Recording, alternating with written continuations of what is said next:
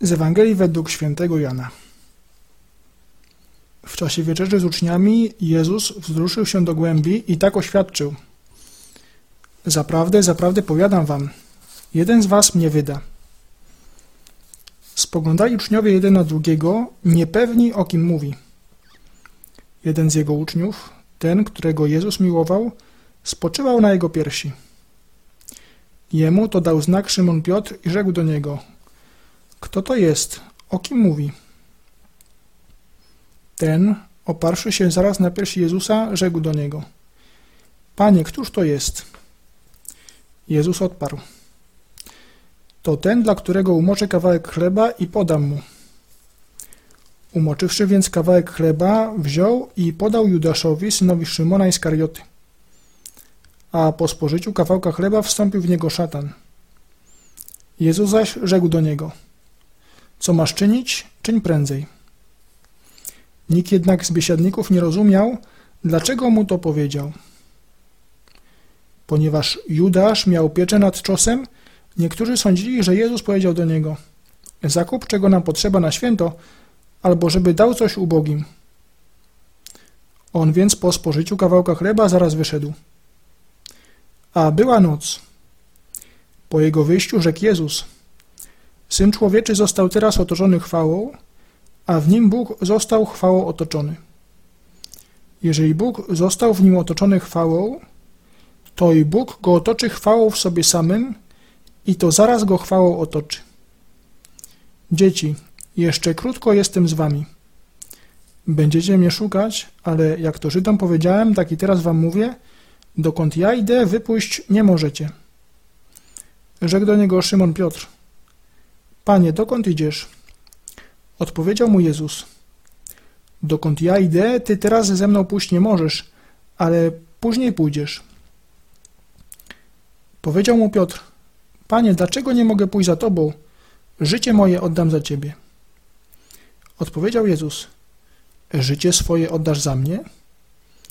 Zaprawdę, zaprawdę powiadam ci, kogut nie zapieje, aż ty trzy razy się mnie wyprzesz.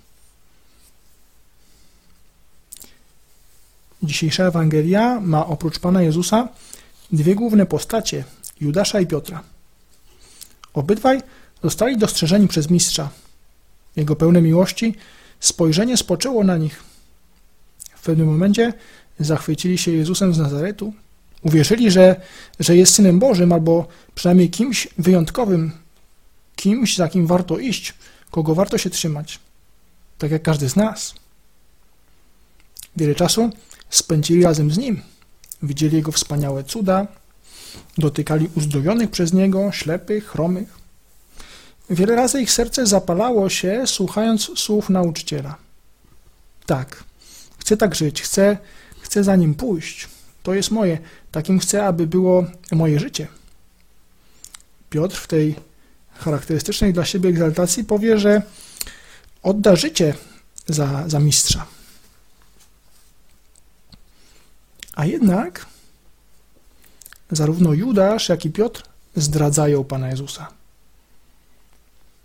I w tych dniach może warto sobie uświadomić, że ci, którzy chcą śmierci Pana Jezusa, którzy mówią mu precz, to nie tylko motłoch, który, który znał go z daleka, to także ci najbliżsi.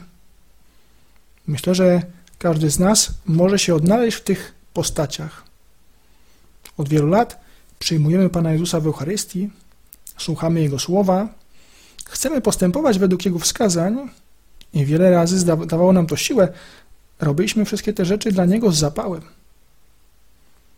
Warto, żebyśmy sobie jasno uświadomili, że że ja, tak jak Judasz, tak jak Piotr, mogę Ciebie zdradzić, mogę się Ciebie zaprzeć. Kompendium Katechizmu Kościoła Katolickiego w punkcie 117 odpowiada na pytanie, kto jest odpowiedzialny za śmierć Jezusa. Każdy poszczególny grzesznik, to jest każdy człowiek, jest w rzeczywistości sprawcą i jakby narzędziem wszystkich mąk, które wycierpiał boski odkupiciel. W większym jeszcze stopniu winni są ci, przede wszystkim chrześcijanie, którzy nadal popadają w grzechy i znajdują upodobanie w wadach. to jestem ja. I warto w tym dniu zatrzymać się nad tym, zobaczyć swój grzech, gorzko zapłakać. Ale jednocześnie nie pozwolić, żeby ogarnęło nas zniechęcenie. Każdy z nas może powstać, jest nadzieja. Czas przed Wielkanocą to czas na spowiedź. Jeżeli mamy taką możliwość, warto, żebyśmy z niej skorzystali. Nie jest to wcale takie trudne. A nawet jeżeli z różnych przyczyn nie jest to teraz możliwe, bądźmy spokojni, spokojni. Odnawiamy żal za nasze grzechy. Panie, przepraszam, przebacz mi. Ty wiesz, że Cię kocham. Chcę zacząć od nowa. Czynimy akt żalu doskonałego z miłości do Boga, pragnąc wyspowiadać się najszybciej, kiedy będzie to możliwe i zaczynamy na nowo. Pan Bóg przebacza grzechy, nawet ciężkie osobie, która wzbudza sobie akt żalu doskonałego, z miłości do Boga, pragnąc wyspowiadać się, kiedy będzie to możliwe. Święty Josemaria pisał: Jesteś smutny? Czy dlatego, żeś upadł w tej małej potyczce? Nie smuć się, raduj, ponieważ w następnej z łaską Bożą i z Twoją obecną pokorą na pewno zwyciężysz. Judasz kończy źle. Nie dlatego, że popełnił wielki grzech. To prawda, popełnił wielki grzech, ale to nie jest coś ostatecznego. Kończy źle, choć do końca nie wiemy, co się stało w ostatnich chwilach przed śmiercią, przed jego śmiercią. Kończy źle dlatego, że stracił zaufanie w Boże przebaczenie. Piotr też odrzucił mistrza w inny sposób, ale żałował i ufał w Boże przebaczenie.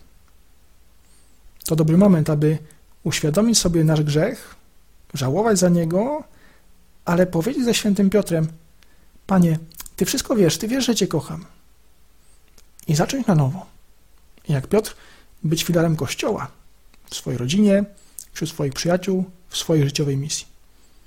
Żałujmy za grzechy, ale też nie pozwólmy zapomnieć o miłosierdziu Boga. Uciekajmy się do sakramentu pokuty, wzbudzajmy sobie akty żalu i nie zniechęcajmy się naszymi słabościami. Zaczynajmy, zaczynajmy zawsze na nowo.